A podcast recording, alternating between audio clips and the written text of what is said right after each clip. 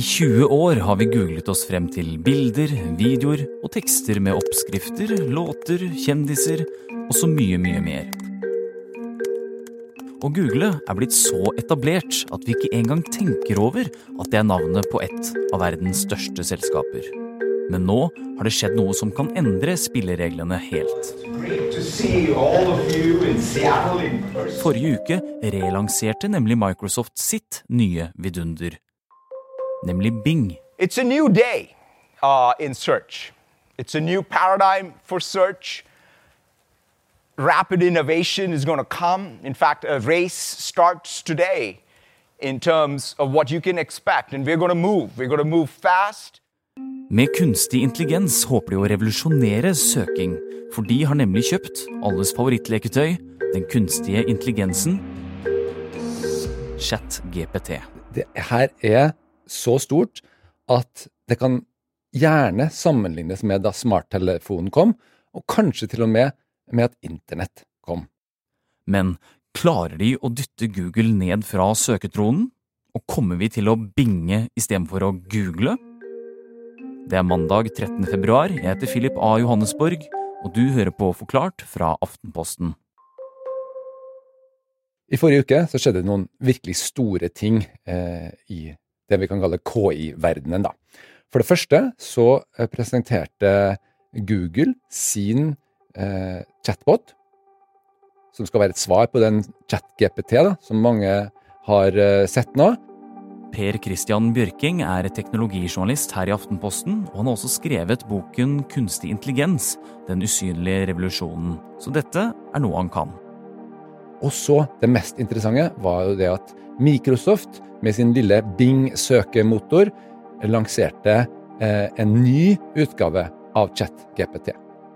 Og hvis du ikke har hørt de andre episodene våre om ChatGPT, så er det altså et kunstig intelligens skriveprogram som ble helt ekstremt populært på slutten av fjoråret.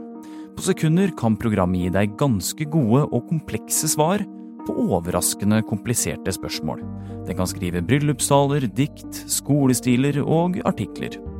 Og det er dette programmet som nå smeltes inn i Microsofts søkemotor, Bing. Og det skal visstnok gi deg en helt ny søkeopplevelse. It's a new day uh, in search. It's a new paradigm for search.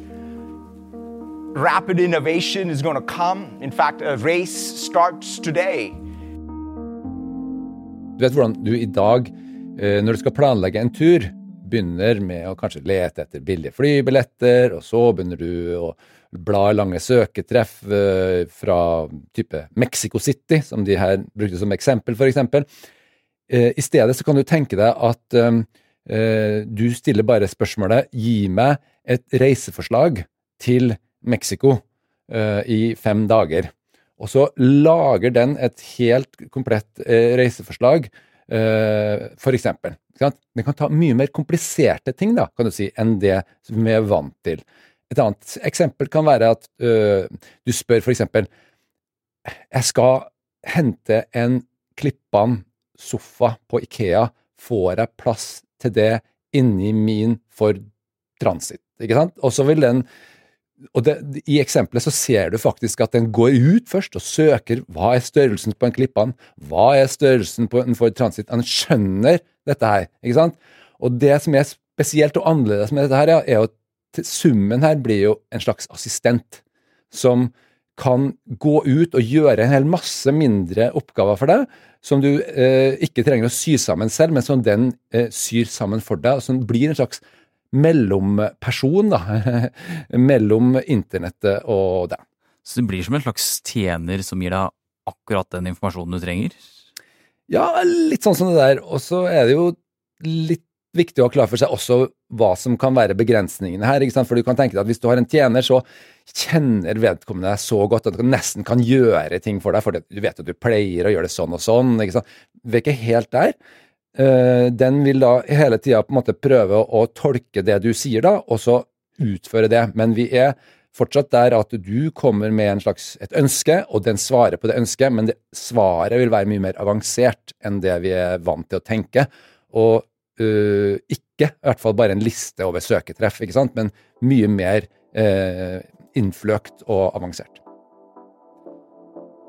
Og sånn cirka nå tenker du kanskje hm, Bing, hva var nå det igjen? Jo, Bing det var en av mange søkemotorer som forsøkte å ta opp kampen mot Google. Den ble lansert i 2009, og det gikk ikke så bra. Men nå vil altså Bing gjøre comeback. Hvorfor er det så viktig for Microsoft, som selger PC-er og software, å satse så knallhardt på søkemotorer da? Det er veldig enkelt. Det er penger. Fordi søk er en pengemaskin av en annen verden. Eh, det er jo mange som ikke egentlig tenker over. Man tenker liksom over at Google ikke får jo ingen av dine penger, ikke sant? Så tenker du ja, ja, eh, de har sikkert noen inntekter av noen annonser og sånn. Men faktum er at søk er så stort at det ifølge Microsoft selv er mer inntekter fra en PC som går til søk på Google, enn som går til Microsoft. Altså på en Windows-PC, som du skulle tro eh, Microsoft har masse kilder til inntekter fra. Så dette er helt enormt. Og, eh, og, Google omsetter for omtrent 2000 milliarder kroner i året i eh, søkeannonser. Og det resulterte altså i at Microsoft sprøytet inn 100 milliarder kroner i OpenAI, altså selskapet som lager ChatGPT. Microsoft vil ta Google, ser det ut til. Men hva med Google? Hvordan reagerer søkemotorkjempen på det? Jo, ChatGPT kom jo ut for bare litt over to måneder siden. Og allerede etter en måneds tid så var det klart at det her er en av de største mest eksplosive suksessene som har vært sett på internett, da gikk alarmen hos Google.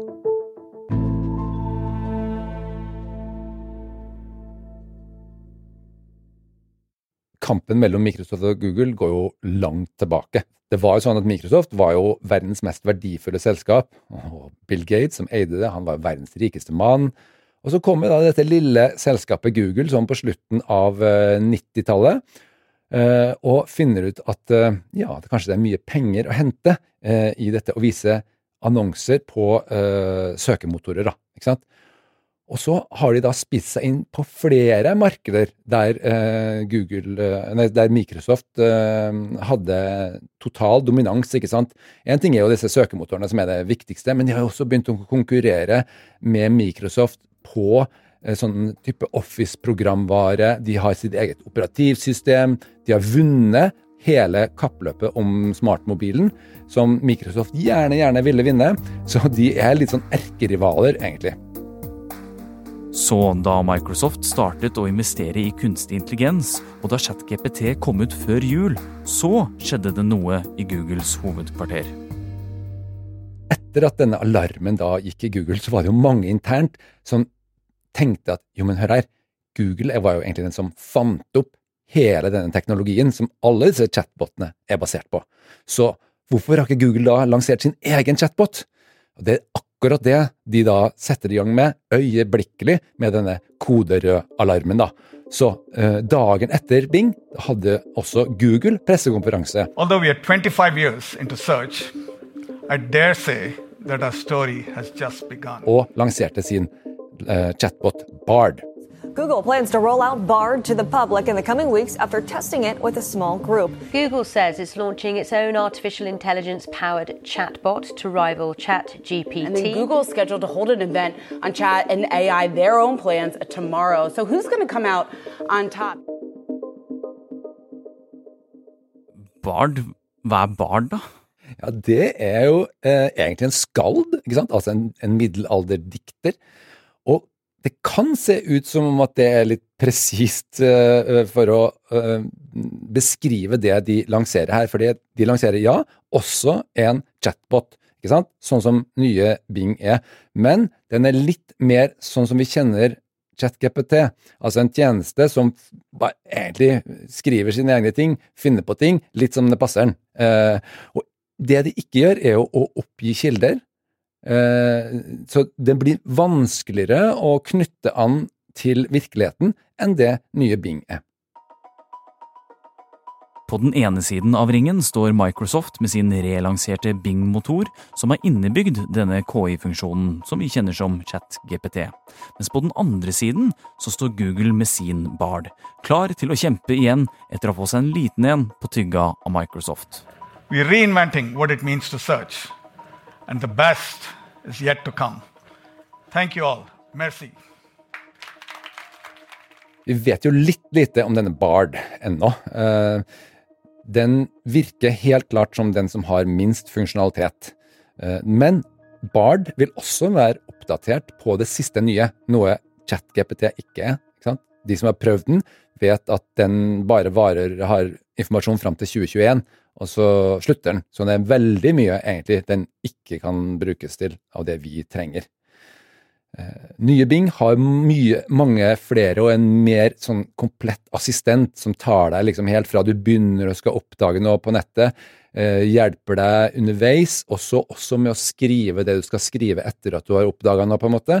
En slags eh, oppdagelsesreise, som de beskriver det, da. så det er en mye mer omfattende produkt, sånn som det framstår. Og så er det jo funnet visse feil i Bard, skjønte jeg? Altså, noe av det første som skjedde, var jo at selv i den lille demonstrasjonen som ble vist fra Bard, eh, som litt eh, ble stilt et spørsmål om, eh, hva, om man kunne fortelle litt om James Webb-teleskopet til NASA, eh, så ble det funnet ganske store eh, feil. Eh, der den bomma med et par tiår på når den første såkalte eksoplaneten ble oppdaga. Og denne feilen fikk enorme følger i aksjemarkedet. For Google hadde gått hardt ut og vist frem noe som ikke virket som det skulle. Og det var nok til at Googles markedsverdi falt med 100 milliarder kroner over natten forrige uke. Men feil, det kommer til å skje. Også med Bing. Ja, De jobber jo selv, sier de, veldig mye med akkurat det her. Har gjort det i mange år. Eh, har masse folk som er ansvarlig for det. Um, og uh, blant annet så bruker de en ny eh, teknikk for å avdekke hvis brukerne prøver å bruke den eh, til noe destruktivt. Og Det de gjør da, er at de simulerer en bruker med onde hensikter. F.eks. en bruker som prøver å planlegge en skoleskyting, da, for eksempel, ikke sant? Så lager de masse kunstige brukere som egentlig er KI-chatboten selv. Og så gjør de masse forsøk på å prøve å finne ut av hvordan de skal planlegge en skoleskyting. Og så lærer de seg å identifisere hva som kjennetegner det. Og dette var en ganske eh, nyskapende teknikk som gjør at det kanskje blir litt lettere da, å trene opp eh, denne nye Bing til å unngå å identifisere det. For da, ideen er jo da at da skal man jo skru av på en måte funksjonaliteten for den som prøver å gjøre noe sånt. En annen ting som er viktig å huske på, er jo at vi vet jo ikke hvor god uh, denne nye Bing er. Den, det vi kan si med sikkerhet, er at den er bedre enn et gjennomsnittsmenneske på veldig, veldig mange oppgaver den skal svare på, men også dårligere enn en ekspert. Og så vet vi at den vil gjøre en hel masse feil. Selv om den sannsynligvis er vesentlig bedre enn uh, ChatGPT, så vil den fortsatt gjøre en feil, fordi den er på en måte dypest sett bare en, uh, det som kalles for en uh, stokastisk papegøye. Den, den, bare gjentar egentlig det den har lært på internett, på nye måter. Og det fører til at den gjør flere feil enn en ekspert vil gjøre. Det er veldig interessant, for vi vet ikke hvor grensa for dette her egentlig går. Og uh, det ser ikke ut som det egentlig støter opp imot noe særlig annet enn datakraft.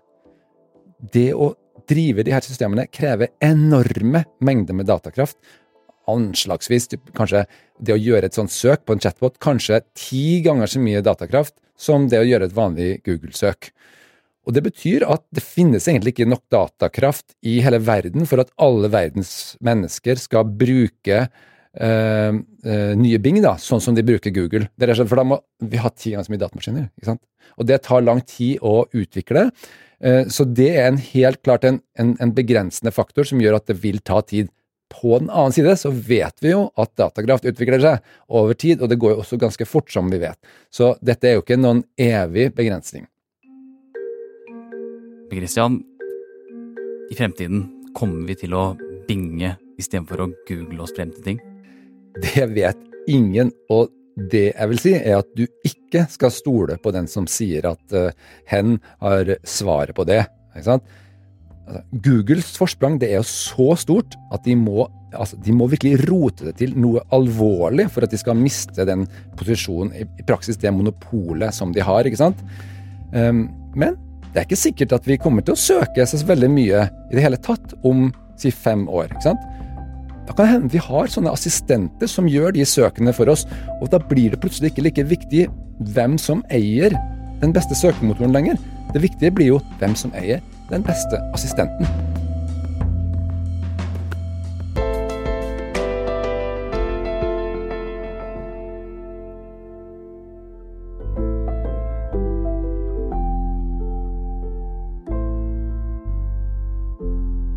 Du har nå hørt en podkast fra Aftenposten, i dag med teknologijournalist Per Christian Bjørking. Lyden er hentet fra AP, BBC, ABC News og Microsoft og Googles YouTube-kontoer. Denne forklarte episoden er laget av produsent Synne Søhol og meg, Philip A. Johannesborg.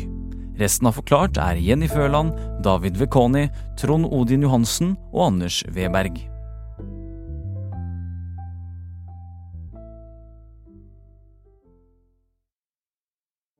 Nå er vi tolv personer. Vi er eh, i denne romstasjonen, innestengt. Skulle vise seg å være vanskeligere enn vi trodde. 11. februar er Aftenpostens podkast Folk tilbake. Hvis du skal bli med på festen, så må du ta dette her. Og jeg visste hva det var med en gang. Det var LSD. I podkasten får du korte fortellinger fra menneskene rundt deg, med deres egne ord. Til slutt så var han nesten helt oppi ansiktet mitt, og så bare skriker han, liksom. Jeg tenkte liksom nå må jeg kanskje slåss for eh, livet mitt. En dag jeg skulle gå på skolen, og jeg hadde virkelig gleda meg, men da roper søsteren min på meg også. Mamma beveger seg ikke. Hør den og hele sesong én hos Podmy eller i Aftenposten-appen.